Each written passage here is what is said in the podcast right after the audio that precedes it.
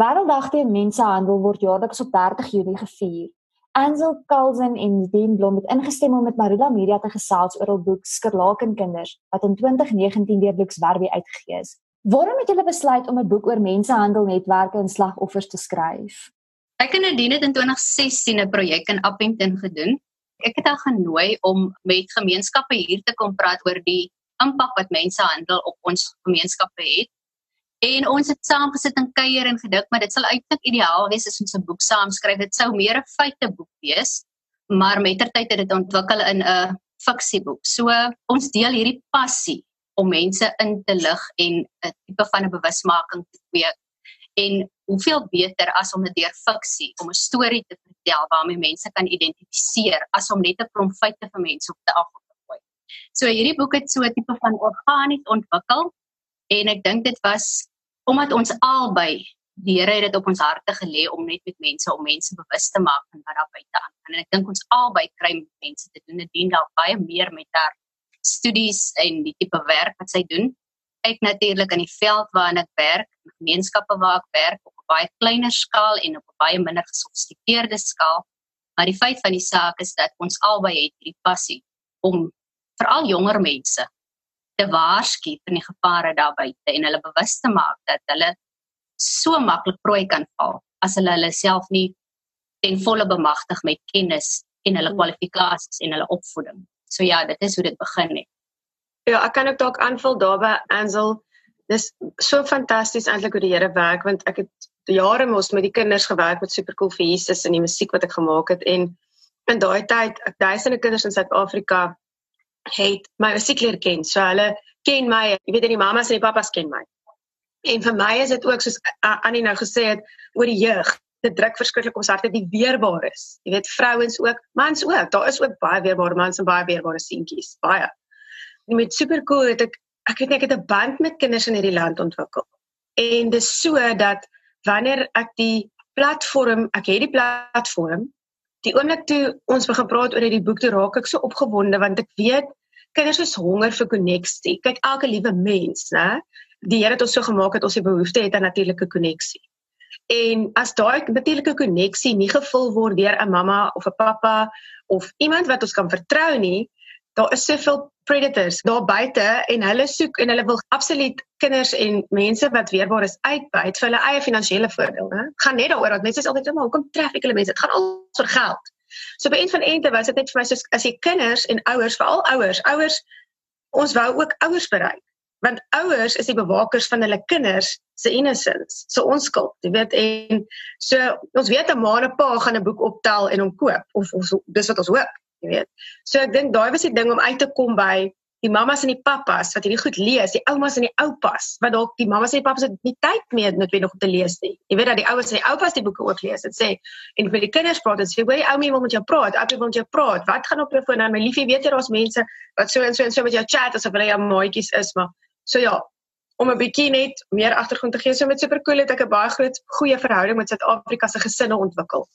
En is van uit daai plek wat ek ook probeer en van daai platform en dan ek dink Annie ook iets sy sê doen fantastiese werk sy doen skrywerswerk skole. En ehm um, ongelooflik wat sy daar teekom, jy weet, die die stories wat mense skryf, wat sy lees, die goed wat sy lees wat mense se verhale is hoe dit aan haar hart raak as sy klaas by 'n werkskool baie keer dan dan sal sy my nou WhatsApp en sê dit nou my hart is nou stikkend hier vandag vir wat ek hier moes lees en vir wat ek hier beleef en jy weet dit 'n ou voel jou hande is afgekap ek kry eintlik nou hoendervleis maar dan dink jy hoe kan jy iets doen om te help hoe kan jy bemagtig hoe kan jy en dit is maar hoe ons nou ook bemagtig ja, ja, In julle navorsingsproses het julle met baie slagoffers gewerk, baie navorsing gedoen, opgelees en ek kan dink dit het baie aan julle julle harte geraak. Maar wat was die grootste uitdaging om met om met mense te werk wat self die trauma ervaar het van ontvoer te word of deur hierdie proses te gaan?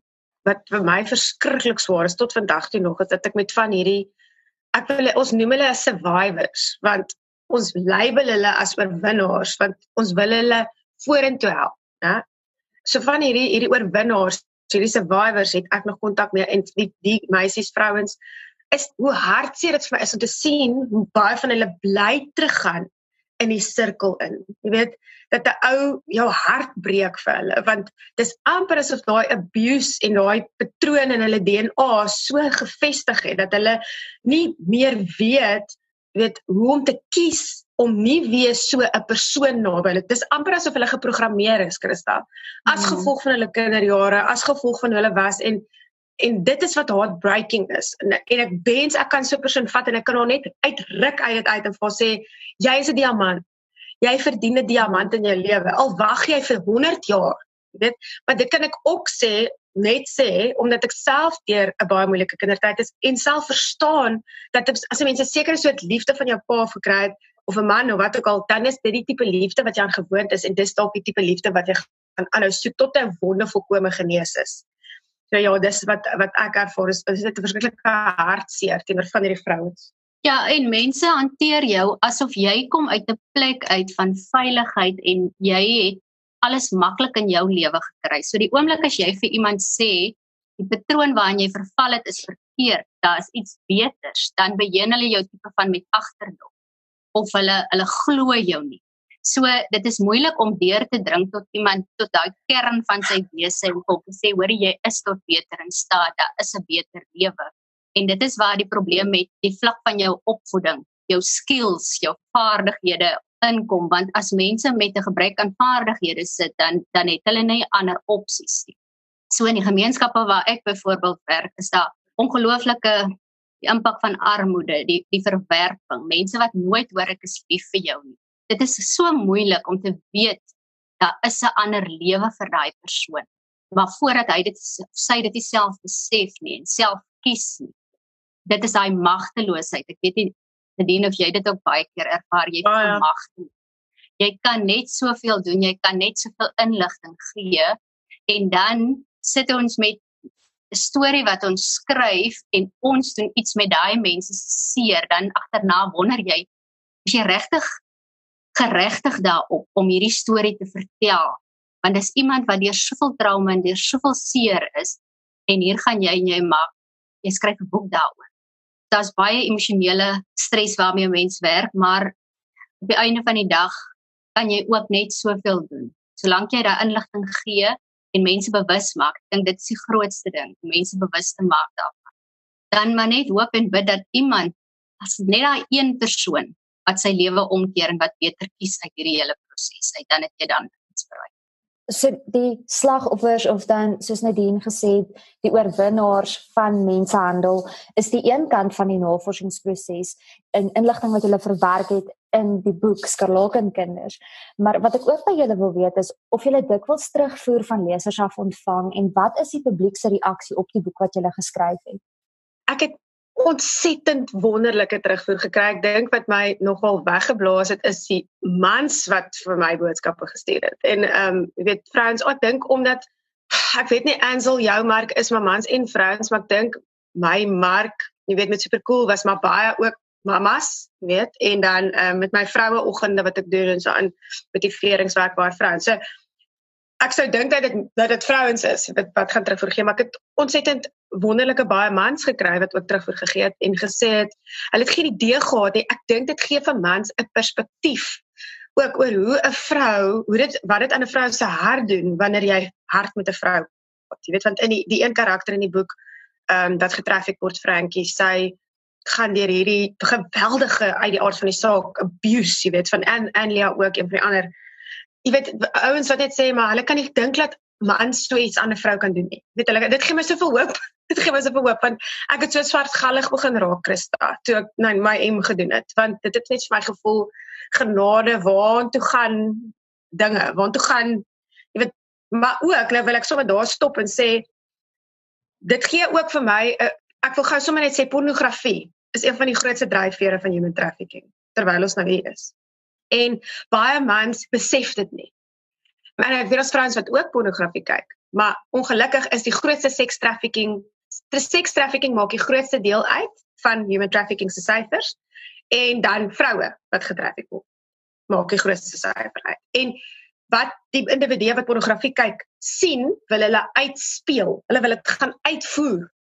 En geen mens gaan willingly lê dat jy haar verkrag of haar verwrig of haar so nou moet jy dink okay waar kry hulle hierdie tipe van pornografie dit is letterlik human trafficking victims wat vervilm word terwyl hierdie marteling aan hulle gedoen en die slagoffers met wie ek gepraat het het dit bevestig elke een van hulle dat dit met hulle gedoen is en dat hulle vervilm is terwyl dit met hulle gedoen is so mans wonderlik vir my gewees vrouens wat ehm um, daar's 'n spesifieke Joeg net wonderlik om te sien, jy weet hoe ehm um, ander deskundiges dit lees. Jy weet mense wat deskundiges is in hulle veld wat ook net sê weet dit is net ongelooflik om te sien. Hulle kan nie dink dit voel of jy droom as jy die boek lees. Jy kan nie dink jy kan amper nie dink dat dit dat dit werklik gebeur nie dat 'n mens aan 'n ander mens so iets kan doen nie. Jy weet so ja, en dan die vrouens wat dit lees, natuurlik leen dit uit, leen dit uit en so versprei die woord, maar ons wil baie graag nog 'n groot kampanje doen. Ons wil bitter graag 'n groot landwyse nasionale kampanje doen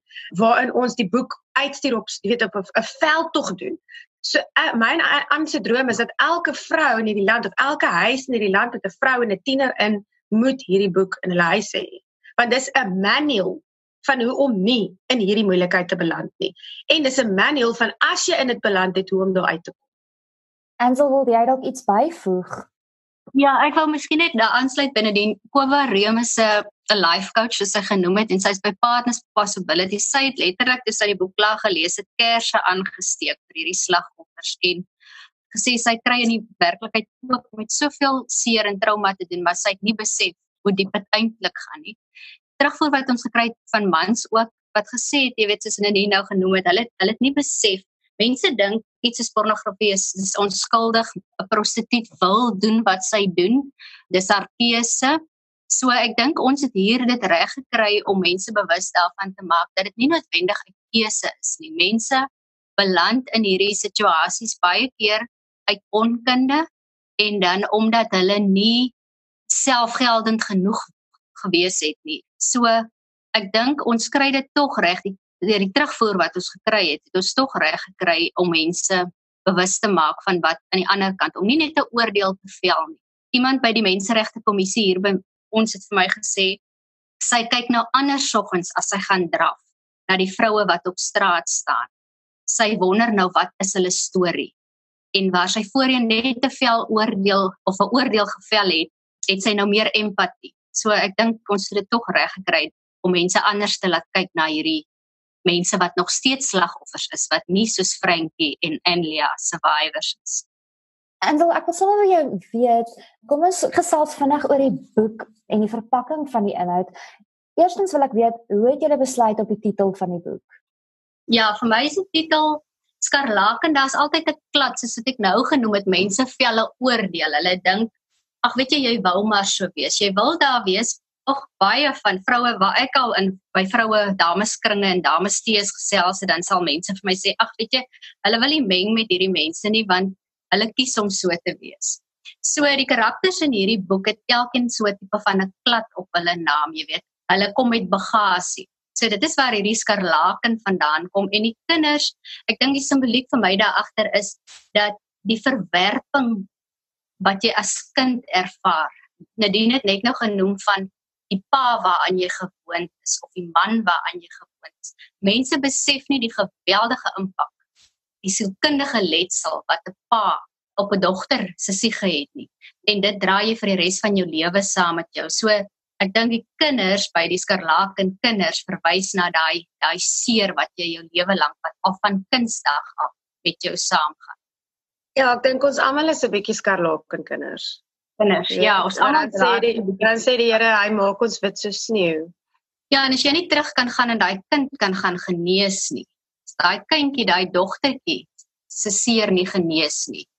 Dan is die omeswaai en die vasgryp na aan, weet jy, ek is tot beter in staat en ek verdien beter. Soveel moeilik. Nadine, ek wil graag by jou weet, hoe het jy die emosionele impak wat hierdie navorsing op jou gehad het hanteer. As jy nou na na 'n moeilike dag waar jy met slagoffers gewerk het en gesels het by die huis kom, hoe skep jy asem en hoe kyk jy ook na jouself in dieselfde tyd? O. Oh, die eerste jaar wat ek my weet my navorsing gedoen het, ek kry ek vir Annie jammer want ek dink ek het haar geretraumatiseer. Alles wat ek kon vertel het. Jammer Annie, ek sal jou so sielkundiges se rekening betaal. Ehm um, dit was verskriklik. Ek ja, ek kan nie vir ek kan nie vir jou sê ek het dit so hanteer of ek het dit so daar is geen manier nie. Dis soos ek het dit dit soos die Bybel sê mos hope the food makes a heart sick. Dis so ek geraak my hart het siek geraak van dit waarmee ek gewerk het.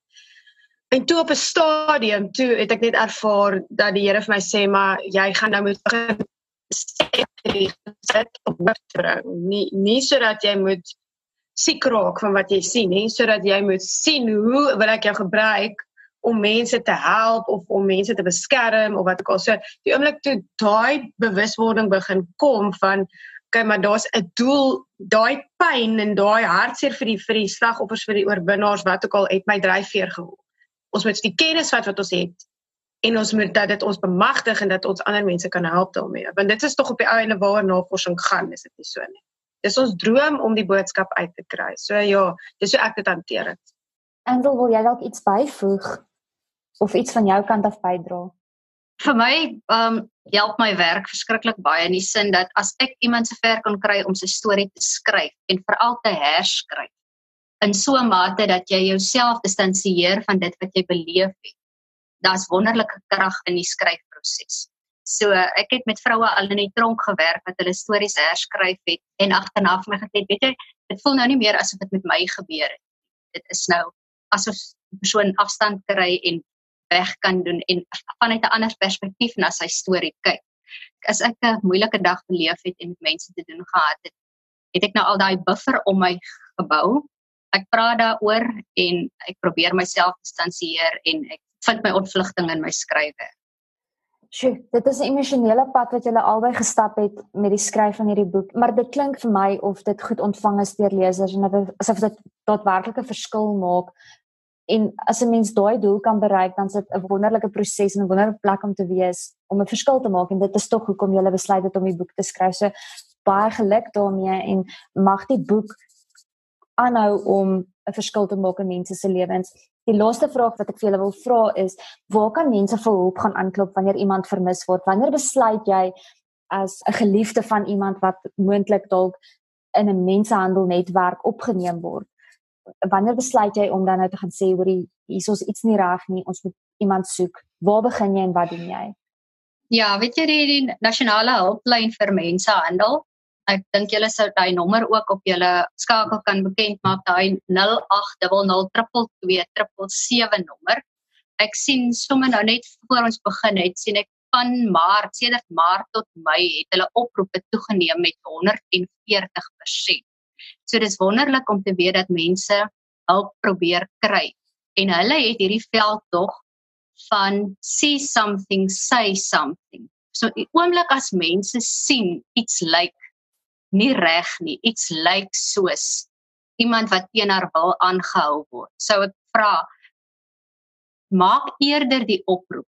Skakel eerder die owerhede, meld dit eerder by die polisie aan dat hulle dit ondersoek as wat jy dink en self besluit. Ag nee, wat is niks. Ons het ongelooflike toename in geslagsgebaseerde um, geweld hierdie tyd ervaar. So ek sou my daarby wou skaar. As jy iets sien, sê eerder en meld dit eerder aan as wat jy stil bly daaroor. Nina, jy het natuurlik nog wat jy wil byvoeg. Nee nee nee, daar is vir my kruks wat jy nou sê want ehm um, jy weet baie keer dan sien met ja, jy weet mense mense sien iets maar jy weet nie. En bel eerder soos Annie sê, ehm um, jy weet ek wil net 'n voorbeeld noem. Daar was 'n soos 'n oproep wat ingekom het van 'n uh, domestic worker situasie. Jy weet so en toe sit toe sit 'n vroutjie wat aangehou is en op wil en sy's toegesluit en sy hulle het haar hulle het haar geslaan, hulle het haar verkrag, hulle jy weet maar dit seker tipe goed wat jy dink jy sal nie dink dit gebeur in 'n huis in Suid-Afrika nie, maar maar dis nou nie ook net dit nie. As jou as jou kind oor see wil gaan werk, okay, wanneer COVID ook nou weer verby is, onthou Moenie net jou kind op 'n vliegtuig sit en jou kind stuur om te gaan au pair nie. Moenie net jou kind op 'n vliegtuig sit en te stuur om te gaan in Taiwan skole nie. Baie van hierdie organisasies is ek weet of organisasies, dit is syndikaate wat mense werf. Twee twee van daai onderwysers wat weggeraak het onlangs in Vietnam was Suid-Afrikaanse mm. onderwysers en ons vermoed hulle is vir orgaanhandel, is hulle gerekruut. So en hulle is weg. Hulle is net weg. Hulle is nog nooit gevind nie. So wees versigtig om net 'n kind of self sommer net te sê o, ek gaan nou sê werk het ek 'n great werk gekry met 'n wonderlike salaris. Ek sê altyd if it seems too good to be true, it is too good to be true. Niemand gaan net vir jou 'n massiewe salaris aanbied nie. Niemand gaan net vir jou 'n iPhone persent gee nie. Niemand gaan net vir jou, ek sal dit vir die meisietjies, niemand gaan net vir jou hierdie fantastiese duur baadjie van Guess koop wat jy altyd wil hê nie. So ja. Die mensehandel hulplyn audit werkgewers. Hulle audit potensiële werksgeleenthede oor see. So as jy nie seker is of dit 'n betroubare werkgewer is, sien dan en maak seker dat dit eintlik 'n betroubare maatskappy is wat die werk doen. Baie dankie Ansel en Nadine, dit was 'n insiggewende onderhoud en ek hoop dit beteken iets vir iemand wat hierna luister en ons wil ook mense aanmoedig om die boek te lees en terugvoer te gee vir julle.